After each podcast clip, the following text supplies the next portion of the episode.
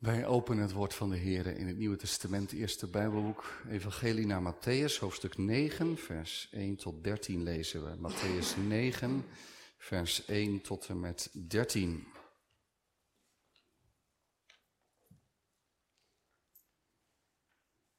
En dan lezen we Gods woord als volgt. En in het schip gegaan zijnde voer hij over en kwam in zijn stad.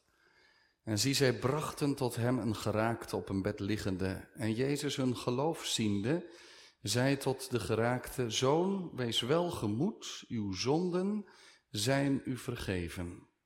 En zie, sommige van de schriftgeleerden zeiden in zichzelf, deze last het God. En Jezus ziende hun gedachten zei, waarom overdenkt gij kwaad in uw harten? Wat, want wat is lichter, gemakkelijker te zeggen? De zonden zijn u vergeven, of te zeggen, sta op en wandel. Doch opdat gij mag weten dat de Zoon des Mensen macht heeft op de aarde de zonde te vergeven, toen zei hij tot de geraakte, sta op, neem uw bed op en ga heen naar uw huis. En hij opgestaan zijnde ging heen naar zijn huis. De scharen nu dat ziende hebben zich verwonderd en God verheerlijkt die zodanige macht de mensen gegeven had. En Jezus, vandaar voortgaande, zag een mens in het tolhuis zitten, genaamd Matthäus. En zei tot hem, volg mij. En hij opstaande volgde hem. En het geschiedde als hij in het huis van Matthäus aanzat, zie vele tollenaars en zondaars kwamen en zaten mede aan met Jezus en zijn discipelen. De fariseeën dat ziende, zeiden tot zijn discipelen, waarom eet uw meester met de tollenaren en zondaren? Maar Jezus, dat horend, zei tot hem, die gezond zijn, hebben de medicijnmeester niet van noden, maar die ziek zijn. Doch ga heen en leer wat het is, ik wil barmhartigheid en niet offeranden. Want ik ben niet gekomen om te roepen rechtvaardigen, maar zondaars tot bekering. Tot zover lezen we Gods woord. Tekst voor de prediking is Matthäus 9 en daarvan het tweede gedeelte dat we daarvan lazen. En we lazen de versen 1 tot en met 13. De prediking zal gaan over vers 9 tot en met 13, waarvan we nu alleen vers 13 lezen. Doch ga heen en leer wat het is. Ik wil barmhartigheid en niet offeranden. Want ik ben niet gekomen om te roepen rechtvaardigen, maar zondaars tot bekering. Matthäus 9, vers 9 tot 13. Gemeente van onze Heer Jezus Christus.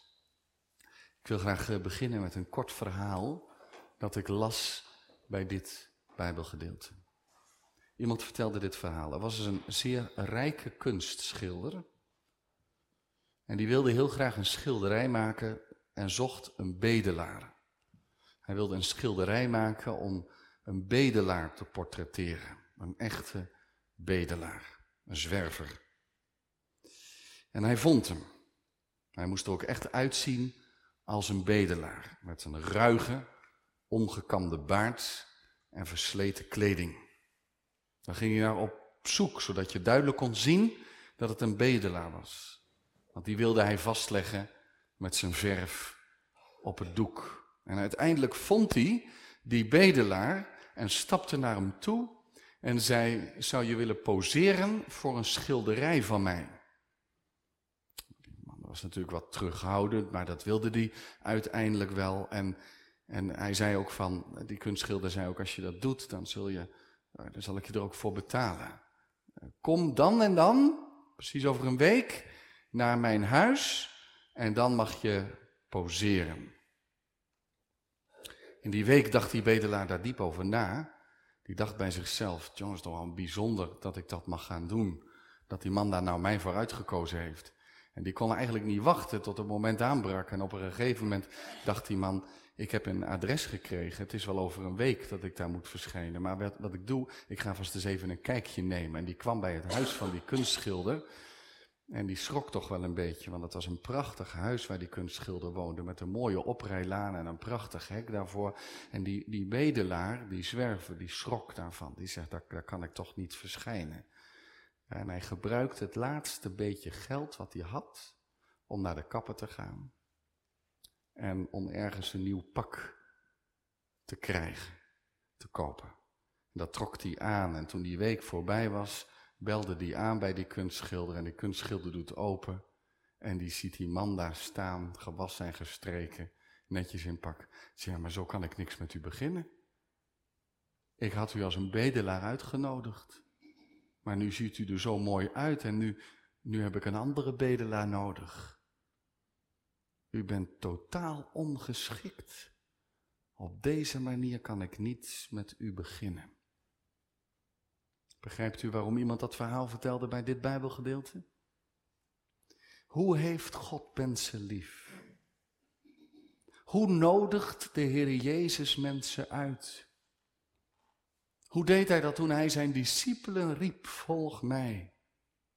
Riep hij ze als bedelaars of als opgeknipte, opgeknapte en verklede bedelaars? We lezen in dit gedeelte en ook in vele andere gedeeltes over een confrontatie tussen de Heer Jezus en de Fariseeën.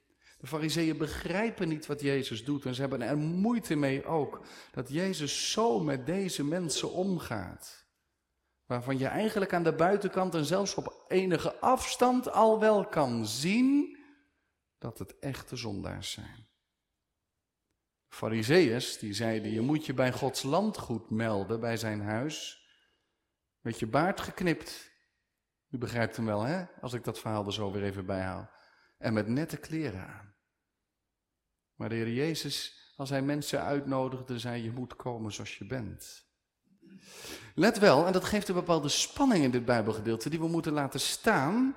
Hij is wel de dokter die de zieken wil genezen. Hij is gekomen om de zondaars te roepen vanuit het duister tot het licht.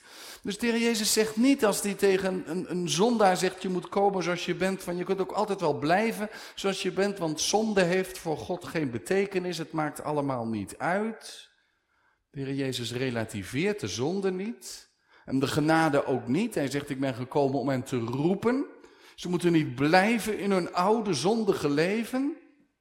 Maar hij zegt wel, Vergis je niet, met hun nette leven zijn al die fariseeën en schriftgeleerden net zo ver bij God vandaan als de tollenaars. Want zij hebben geen zicht op Gods ontferming, op Gods barmhartigheid. Is het immers geen zonde dat je Gods hart vol ontferming vergeet? Eigenlijk zou je bij, deze, bij dit gedeelte de vraag kunnen stellen, wie is er nou de grootste zondaar? Zijn dat die daar aan tafel zitten met de Heer Jezus, al die tollenaars en zondaars? Of zijn dat de fariseeën die, aan, die buiten staan? Te goed zijn om met hen aan tafel te gaan, maar wel oordelen over deze zondaars en over Jezus. Wat heeft de Heer Jezus hart voor zondaars? Hebben wij hart voor zondaars? Kennen wij onszelf als zondige mensen voor God die alleen kunnen leven van genade? Wie zijn wij voor God? Thema voor de preek is Jezus hart voor zondaars. Naar alle waarschijnlijkheid, daar zijn de, de Bijbelverklaarders het wel over eens, is Matthäus de schrijver van dit evangelie. Deze Matthäus, waarover wij lezen dat hij tollenaar geweest is. En dat wil dan zeggen dat hij hier in dit stukje evangelie schrijft over iets wat voor hemzelf zo heel belangrijk was. Dat er, een zeker moment in zijn leven was dat de Heer Jezus tegen hem zei, volg mij. En dat hij toen zijn oude leven achter kon laten en met Jezus meeging. Eigenlijk is het heel opvallend als je deze hoofdstuk bekijkt.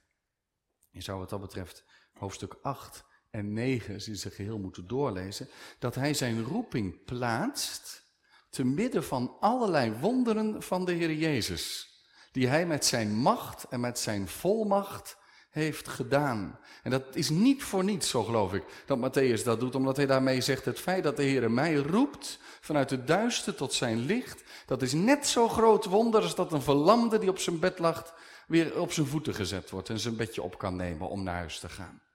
Met die macht en met de volmacht waarmee de Heer Jezus bij macht is hem de schuld en de zonde te vergeven, waar de fariseeërs ook moeite mee hadden. Diezelfde macht is er als Jezus in het leven van iemand zegt, volg mij. Die volmacht, die macht. Jezus stilt de storm. Jezus bevrijdt de bezetenen. Hij vergeeft en geneest de verlamden. En hij roept Matthäus de tollenaar tot zijn discipel. Het, het ene wonder is niet groter dan het andere. Het zijn allemaal ongelooflijk grote wonderen. En zo is het ook in ons leven. Als de Heer zijn woord midden in ons leven spreekt en het woord doet kracht, waardoor de ketenen als het ware die ons vastklinken aan ons oude leven van ons afvallen en we met Matthäus mogen opstaan. Want dat is het, hè? En hij opstaande volgde hem. Ik denk als Matthäus later, dat is na de opstanding, na Paas en Pinkster dit evangelie schrijft, dat hij heel bewust de taal van Pasen spreekt. Hij stond op, zoals de Heer Jezus de dood overwon. Zo heeft de Heer Jezus hier zijn macht reeds getoond om Matthäus uit zijn oude leven te doen opstaan. Hoezeer hij ook gevangen was in geldzucht en zonde. Matthäus wordt in Marcus, het evangelie naar Marcus en Lucas, Levi genoemd. Meerdere namen waren niet vreemd. Het was wel gebruikelijk ook. Denk maar aan Simon Petrus. Twee namen eigenlijk. We noemen ze soms in één keer alsof hij die beide namen had, maar meestal wordt hij alleen Petrus genoemd of alleen Simon genoemd. Maar ook Saulus had dat, hè? Saulus, die ook een Griekse naam had, Paulus. Saulus betekent ja, naar Saul eigenlijk. Een hele grote man was dat. Een dappere naam zou je kunnen zeggen. Paulus in het Grieks betekent kleine. een grappig verschil, maar de namen lijken op elkaar. Twee namen. Maar bij Levi is dat waarschijnlijk ook het geval. Zijn Hebreeuwse naam was Levi en zijn Griekse naam Matthäus. Heel veel mensen gebruikten twee namen. Sommigen zeggen ook dat hij vooral Matthäus is gaan heten na zijn omkeer en dat het zijn christelijke naam was. Hoe dan ook, het gaat om dezelfde persoon. Hij was tollenaar. In het evangelie naar Matthäus lezen we dat het woord tollenaar heel vaak eh, in één adem met het woord zondaar wordt gebruikt. De tollenaars en zondaars. En dat zien we ook hier. Kijk maar in vers 10. Als hij in het huis van Matthäus aanzat, zie veel tollenaars en zondaars. Die mogen wel op één hoop, zou je kunnen zeggen. Die horen bij elkaar, tollenaars en zondaars. Soms wordt er gesproken over dan zei hij u als de heiden en de tollenaar. En soms wordt de combinatie hoeren en tollenaars gebruikt. En dat laat niet veel goeds zien over tollenaars. Tollenaars waren zondaars, een bijzondere categorie van zondaars. Capernaum, waar het zich afspeelt, was een plaatsje dicht bij de zee van Tiberias of het meer van Galilea. En door Capernaum, of langs Capernaum, was een heel bekende handelsroute, de Via Maris, de weg van de zee.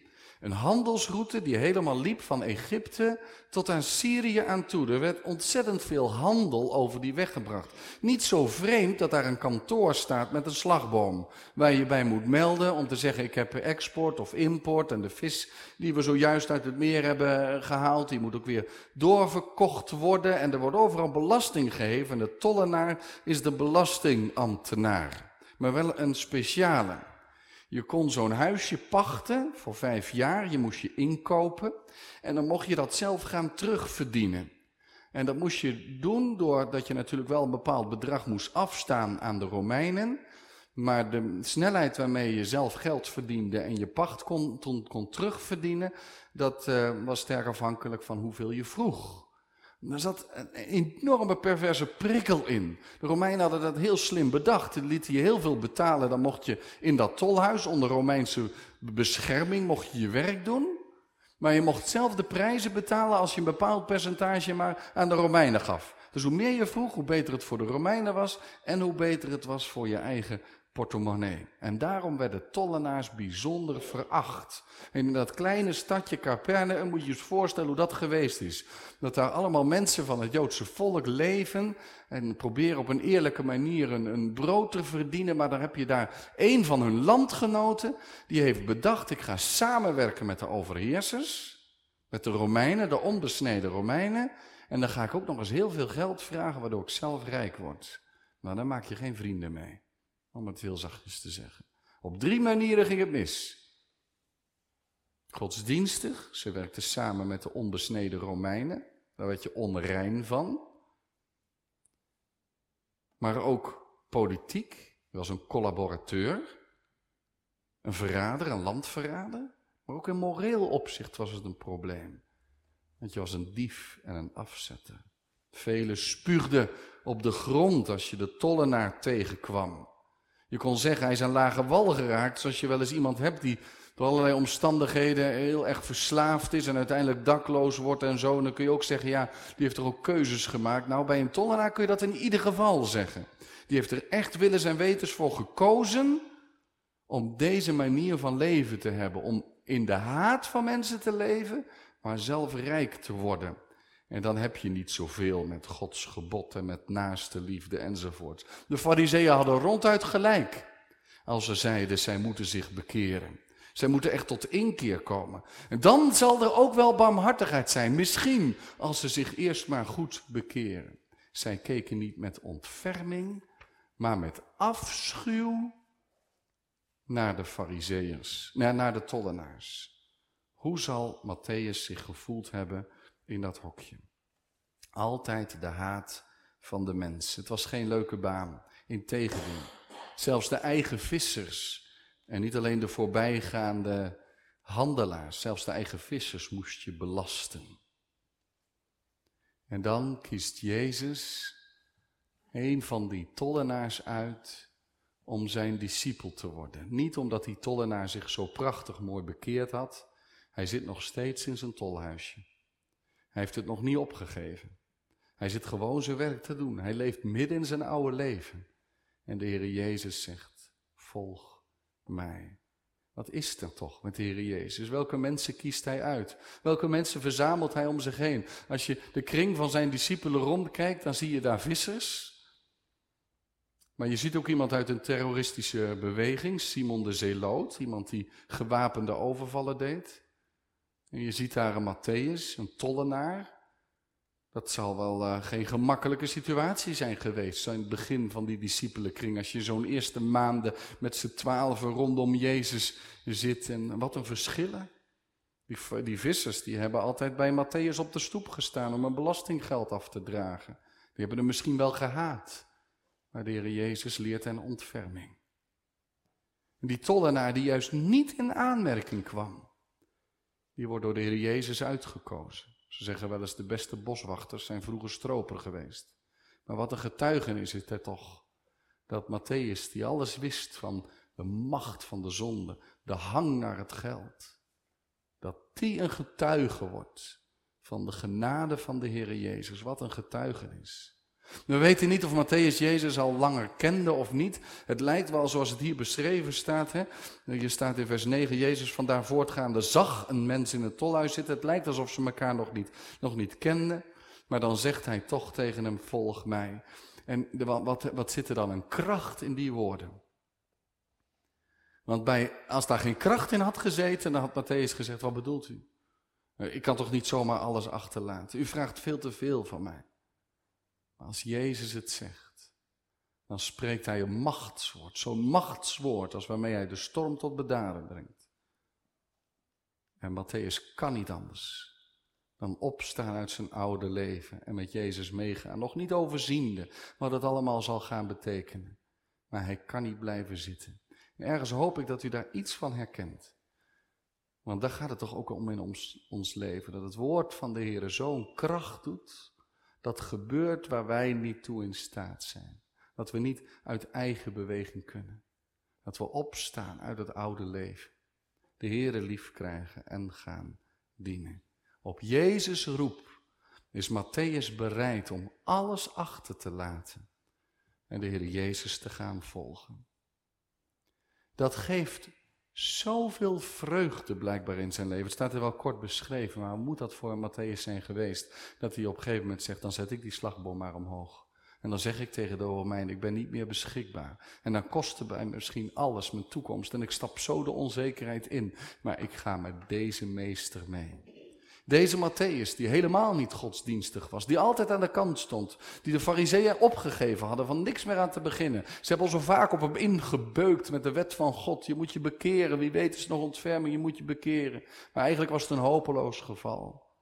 als Jezus in zijn leven komt, dan wordt alles anders.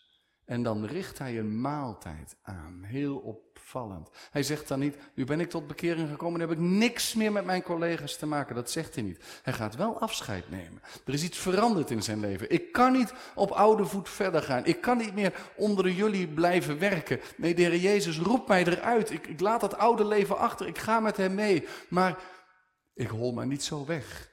Hij gaat een maaltijd aanrichten. Waarschijnlijk een afscheidsmaaltijd. Dat is opmerkelijk, want kijk, als wij een maaltijd houden, dan is het natuurlijk wel belangrijk, zeker op zondag, hè, als je misschien wel eens iemand uitnodigt of je kinderen komen bij je eten, ik noem maar wat, dan heb je het heel gezellig misschien aan tafel, dat hoop ik dan maar. Dan is een maaltijd ook meer dan even wat eten. Maar in bijbelse tijd is dat nog veel meer zo. Dat betekent dat als je met iemand aan tafel gaat, ja, dan heb je iets met elkaar, dan deel je een stukje van het leven samen. En daarom zou een fariseer nooit met een tollenaar aan tafel gaan. Eigenlijk was die maaltijd, je zou kunnen zeggen in de Bijbel, elke maaltijd is een maaltijd onderweg naar het grote bruiloftsmaal. Het was goed om zo naar je eigen maaltijden te kijken. Onderweg. Zeer kost voor onderweg. Anders zou de weg voor u te veel zijn. En, en elke maaltijd als een, als een moment van verlangen naar dat grote bruiloftsmaal. En daarom zou een fariseer dus nooit met een tollenaar aan tafel gaan zitten. Wat hebben wij samen? We hebben niks samen. Ik dien God, jij niet. Je gaat er heel bewust tegen in. Je hebt al die waarschuwingen naast je neergelegd. Wat een vreselijke man ben je eigenlijk. Ik kan met jou niet aan tafel. Maar Jezus zegt, zeg Matthäus, jij organiseert een afscheidsmaaltijd voor al je collega-tollenaars. Ja, dat waren zijn enige vrienden, voor de rest hij ze niet. Wilt u ook komen, Jezus?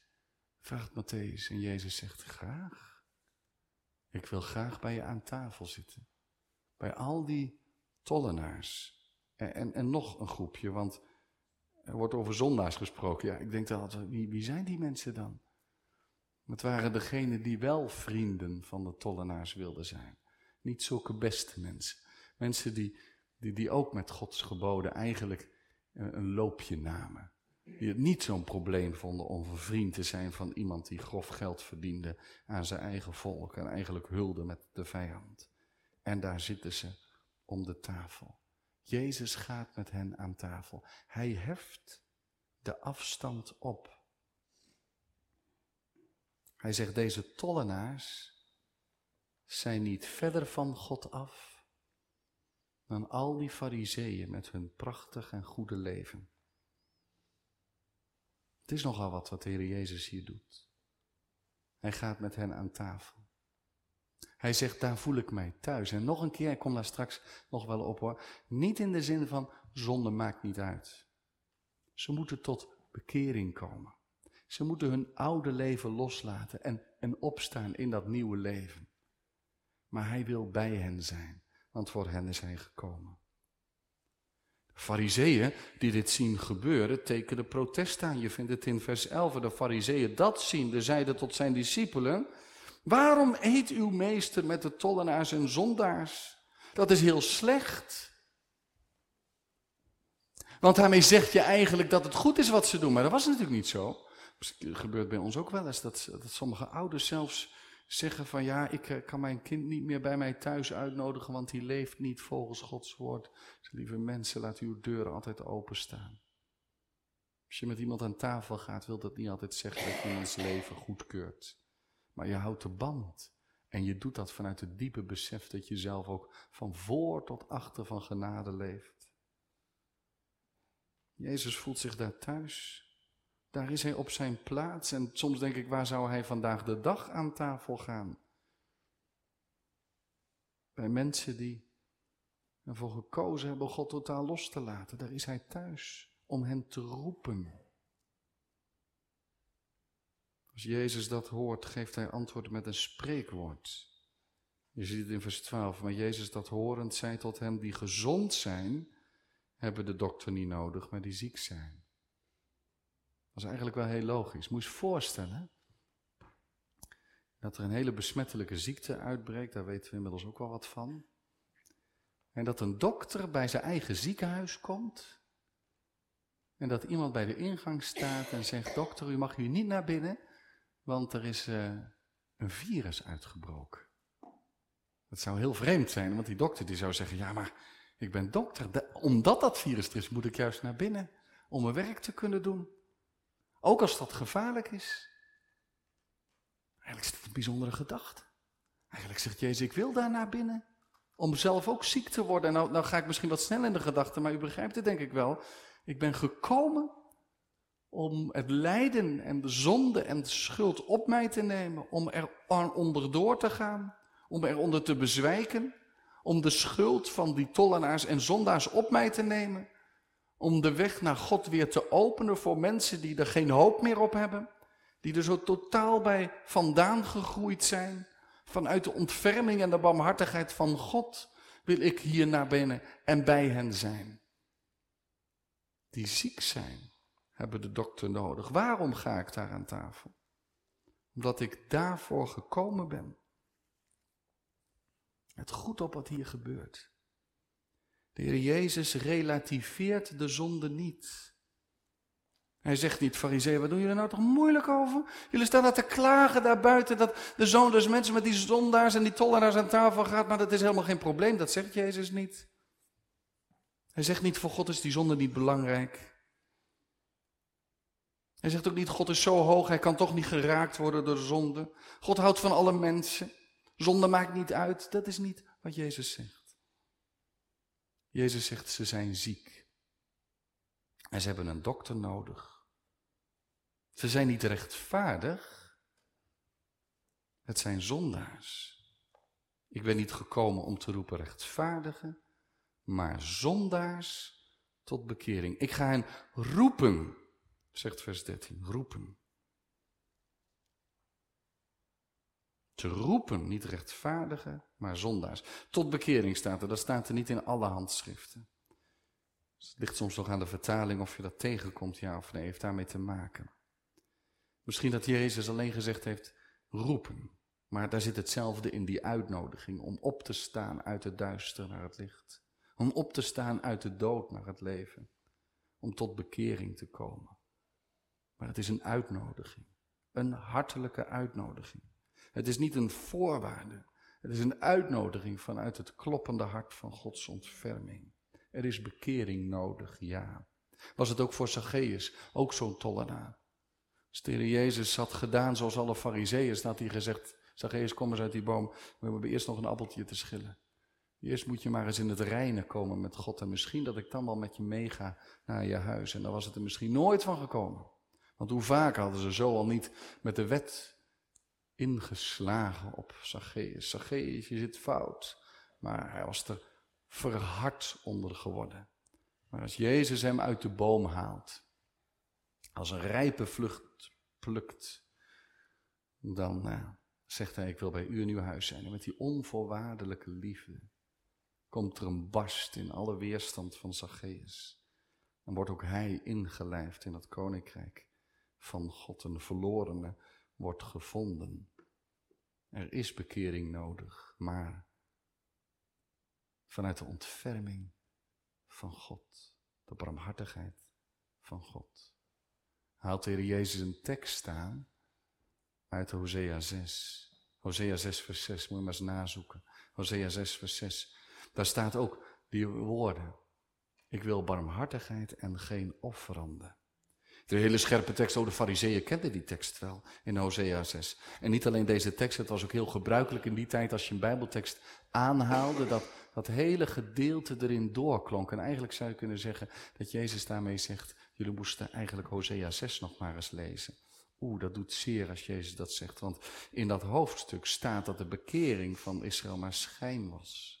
Het leek allemaal zo mooi, maar het was alleen buitenkant. Het goddeloze volk had zich bekeerd en was zich keurig gaan houden aan alle wetten van Mozes. En daarom waren ze met de offerdienst zeer precies geworden. Prachtig, offers brachten ze geheel volgens het woord van God. Maar het hart is eruit, zegt Hosea en Hosea 6. Het hart is eruit. En die tekst, zegt Jezus, die geldt ook vandaag de dag, zegt hij tegen die fariseeën. Met de komst van de Heer Jezus wordt alles nieuw. Dat zie je ook in het volgende gedeelte over bidden en vasten. Maar de Heer Jezus neemt deze mensen ook eens mee naar de ontferming van God in het Oude Testament. Je moet barmhartigheid leren. Hosea 6. Bewogenheid met mensen. Er moet een hart inkloppen. Maar ga heen en leer. Dat zeiden alle rabbies als ze hun onderwijs hadden gegeven. Ga heen en leer. Dit moet je uitdragen, dit moet je verder onderzoeken. En daaruit moet je leven. Een offer, dat is toch heel opmerkelijk, want je zou kunnen zeggen een offer, maar dat is toch door God ingesteld. Hoe kan de Heer nou zeggen dat offers niet zo belangrijk zijn? Het offer is heel belangrijk. Hoe kan hij nou zeggen, ik wil barmhartigheid en niet offeranden? Want hij zelf heeft ingesteld de hele offerdienst. Lees het maar na in de wetten van Mozes, in Leviticus, in Exodus. Zo belangrijk, die offerdienst. Maar het gevaar is dat het alleen aan de buitenkant zich afspeelt. Eigenlijk zegt de Heer Jezus, ga eens even terugdenken. Die offers die de Heer heeft ingesteld, dat was wegens Gods barmhartigheid, wegens zijn ontferming. Ik wil bij de mensen wonen en daarom kun je met mij omgaan. Daarom zijn er de schuldoffers en de brandoffers, de verzoeningsoffers. Zodat ik onder de mensen wonen kan, dat is mijn ontferming. Maar als je vervolgens die offerdienst een plek gaat geven met een hard hart, met een hoogmoedig hart en dat je het prima allemaal volgens de regels doet. Het ziet er allemaal zo mooi uit, een instelling van God. Dan is het leven eruit weg. Alleen maar buitenkant. En daarom zegt de Heer Jezus hier, de barmhartigheid moet het van het offer winnen. Je kunt je houden aan al die regels, zoals Hosea zegt in die tijd ook. Het leek al zo mooi, het volk bekeerde zich. Ze gingen allemaal volgens de wetten van Mozes leven, maar er was geen hart. Geen liefde tot de Heer, geen verbroken hart. Ik wil barmhartigheid.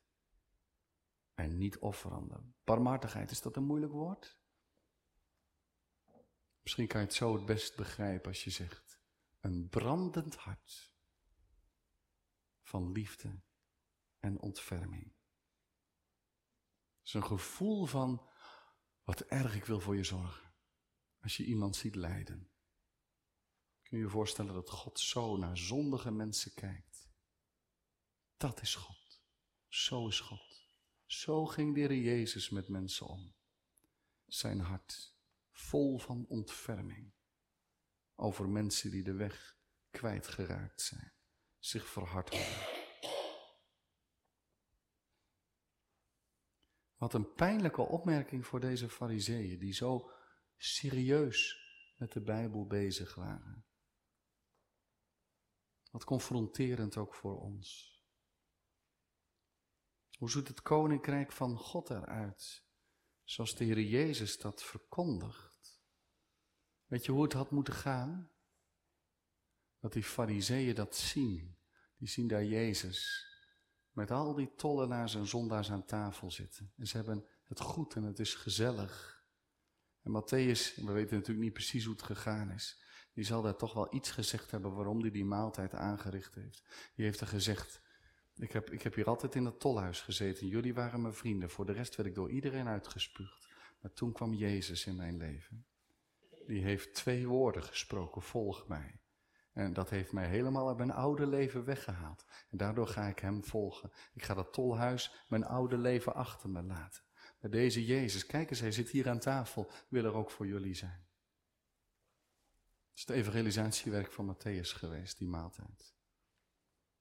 En er staan daar buiten die fariseeën. En in Gods koninkrijk had het zo moeten gaan, dat die fariseeën zeiden, eigenlijk hadden wij daar aan tafel moeten gaan. Niet omdat we goedkeuren wat ze deden, maar om iets van Gods barmhartigheid te laten zien. En als ze straks naar buiten komen, hadden ze hen moeten omhelzen en moeten zeggen, ja, wij hadden ons leven wel op orde. En inderdaad, zonde is zonde. Maar we moeten van diezelfde genade leven. En daarom kan ik je rustig omarmen. Je staat niet ver buiten Gods koninkrijk. En het feit dat ik, mogen we dat eens op onszelf betrekken, dat wij hier zitten, is dat nou echt te danken aan onze eigen vroomheid? Hebben wij nou precies de goede keuzes gemaakt, terwijl we misschien hoofdschuddend over straat kunnen rijden om te zeggen, wat is dat toch erg dat anderen niet naar de kerk gaan? Of moet je nou vanmorgen zeggen, het is enkel genade dat ik hier zit. Er zit nou niks van mij bij. Dat is, dat is nou de ontferming van God. Als je dat doorkrijgt, ga je ook anders naar andere mensen kijken. Vanuit het hart van God, de barmhartigheid, de ontferming. Is het niet zo dat voor ons, hier binnen de kerk, het gevaar van fariseïsme zo groot is? Waar staan wij in dit verhaal? We zouden misschien zeggen, ja, maar waar wij staan op de plek van Matthäus. Is dat zo?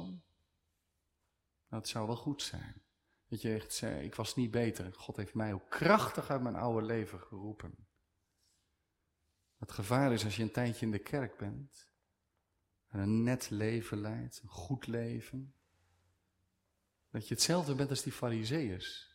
We kijken vaak heel negatief naar hen, maar hun naam betekende niks anders. We zijn de afgezonderden. Want we willen zo graag, waar het volk dat zo moeilijk kan, willen we zo graag echt bij God horen. We zijn de afstandhouders van het kwaad. Klinkt mooi, hè? We zijn de afstandhouders van het kwaad. Prachtige bedoeling. Maar Jezus legt hier de vinger op de zere plek en zegt: Met al dat afstand houden van het kwaad ben je ook afstand gaan houden van zondaars. En begrijp je niet meer wie God is? Kan dat zo zijn in ons leven? Ons leven er goed uitziet? Prachtig mooi. Volgens de geboden, natuurlijk mankeert er wel eens wat aan en hebben wij ook genade nodig. Dat we ergens toch diep van binnen een diepe kloof ervaren met andere mensen die God niet kennen. Die los van zijn geboden leven. Daar zouden we nooit mee aan tafel gaan. Terwijl Jezus er wel bij aan tafel zit. Waar zijn die zondaars nu? Waar zouden we Jezus vandaag vinden? Aan welke tafel? Aan de onze? Of zou die ergens anders aan tafel gaan om iets van Gods barmhartigheid te laten zien? Wij zeggen het in de kerk zo gemakkelijk. We zijn zondaars. Ik hoop dat we het niet gemakkelijk zeggen. We hebben onze les goed geleerd. Ja, we zijn allemaal zondaars. Er was een predikant die kwam bij een mevrouw op bezoek en die vond dat nogal lastig. Want die mevrouw die zei altijd, we zijn zulke zondaars, we zijn zulke zondaars. Maar zo kwam maar niet tot de Heer Jezus. En die predikant dacht, hoe komen we daar nou toch eens doorheen? Die mevrouw die zei altijd, ja, we zijn zulke zondaars. Toen zei hij, ik zal er eens een beetje plagen. En toen zei hij, ja mevrouw, dat heb ik laatst bij u in de straat ook wel gehoord, dat u nogal een grote zondaar bent. Wie heeft dat gezegd? zei ze. We zeggen het zo makkelijk, we zijn grote zondaars, maar zijn we het echt voor God geworden? Weten we wat we zeggen als we dat zeggen? De kerk mag de zondaarsgestalte niet kwijtraken. Iemand zei eens als we in de kerk, naar aanleiding van de gelijkenis van de verloren zoon, als je in de kerk heel veel, heel weinig verloren zonen hebt zitten, die, die zondaars die de Heer zijn gaan zoeken, dan is de kans groot dat er veel van de oudste zonen zitten. En dat het een waar woord is. Zijn we een gemeente die makkelijk zondaars ontvangt, waarmee zondaars die zeggen, hier, hier is een plek, daar kan ik zijn op zondag. Terwijl ik bij zoveel mensen afgewezen word, maar hier zijn zondaars welkom. Een ruime plek voor onvolmaakte mensen. Je kunt het nooit helemaal op formule krijgen. Ik realiseer mij dat, dat maakt het soms lastig. We zeggen dus nogmaals niet, er is genade, bekommer je maar niet om de zonde. Er is bekering nodig volgens het woord van God.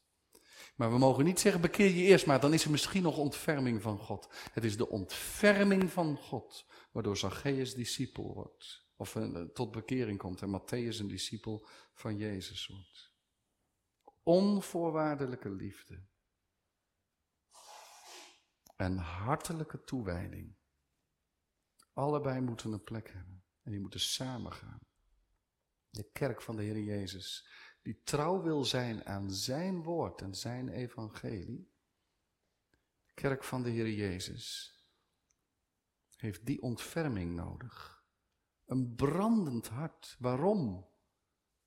Waarom anders? Dan dat je zelf ook die liefde van God in Jezus Christus kent. Als die liefde, die ontferming je hart en leven binnenkomt, dan kun je de oude niet zijn. Dan voel je, al heb je zelf niet in een tolhuis bij een slagboom gezeten, te veel zitten vragen, al is je leven misschien wel geweest om door een ringetje te halen, wie zal het zeggen? Maar dan zeg je, als God met mij in het recht wil treden en gadeslaan onze ongerechtigheden, wie kan bestaan? God kennen betekent een groot zondaar worden. En dat beleiden. En dat met Psalm 32 zeggen, welzaligheid wiens zonden zijn vergeven. Dan word je een ander mens. Dan komt er ook in jouw hart en leven, gaat er iets kloppen van die ontfermende liefde van God. Wat hebben we dat nodig? Ook in de kerk van vandaag de dag, die bedelaarsgestalt. Dat we die ontferming kennen. Dat brandende hart, omdat de liefde van Christus ons leven heeft aangeraakt. Wil je een heilige kerk zijn? Dat mag ons verlangen zijn. Maar dat kan niet alleen een kwestie van de buitenkant zijn. Echt heilig is de kerk als de ontferming van de Heer Jezus tastbaar en zichtbaar wordt. Gemeente, u heeft een woord voor de wereld. Een uitnodiging. Een roep namens Christus. Kom, kom mee naar dat nieuwe leven. Niemand is het te ver bij vandaan. Het komt voor mij. Het kan zeker ook voor u. Wat is gemeente zijn dan anders? Dan discipelen zijn van de meester. Opgestaan uit, uit een oud leven. Bijeen rondom het kruis van Christus. Rondom zijn bitter lijden en sterven. De liefde van God is zo groot. Dat elke bedelaar het hoofd mag opheffen maar elke koning het hoofd moet buigen. Met wie zitten wij rondom de tafel? Kunnen we de Heer Jezus ook daarin navolgen? Dat we omgaan met zondige mensen als tollenaars en zondaars. Ontferming van de meester uitleven. Afstand houden is niet het enige in het christelijke leven. Ook dat geeft een bepaalde spanning. Heb de wereld niet lief. Nog wat in de wereld is. Jacobus die zegt, wie een vriend van de wereld wil zijn, wordt een vijand van God genoemd. Afstand houden, denk je dan jezelf. Onbesmet bewaren van de wereld, dat is belangrijk. En tegelijk gaan we in de voetsporen van de Heer Jezus, als we in die ontferming leven. En elke zondaar als het ware mee aan tafel willen gaan om te laten zien en iets te vertellen van de goedheid en de grootheid van God.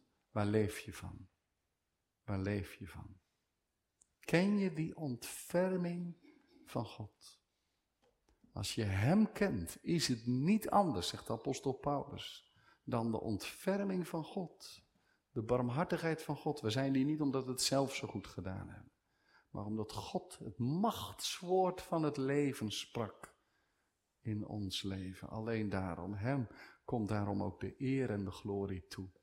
Als dat woord binnenkomt, kun je op oude voet niet verder, maar ga je ook leven in ontferming. De Heer Jezus zei, ga heen en leer wat het is, barmhartigheid. Niet de regels van de offers, maar het kloppende hart van Gods ontferming. Amen.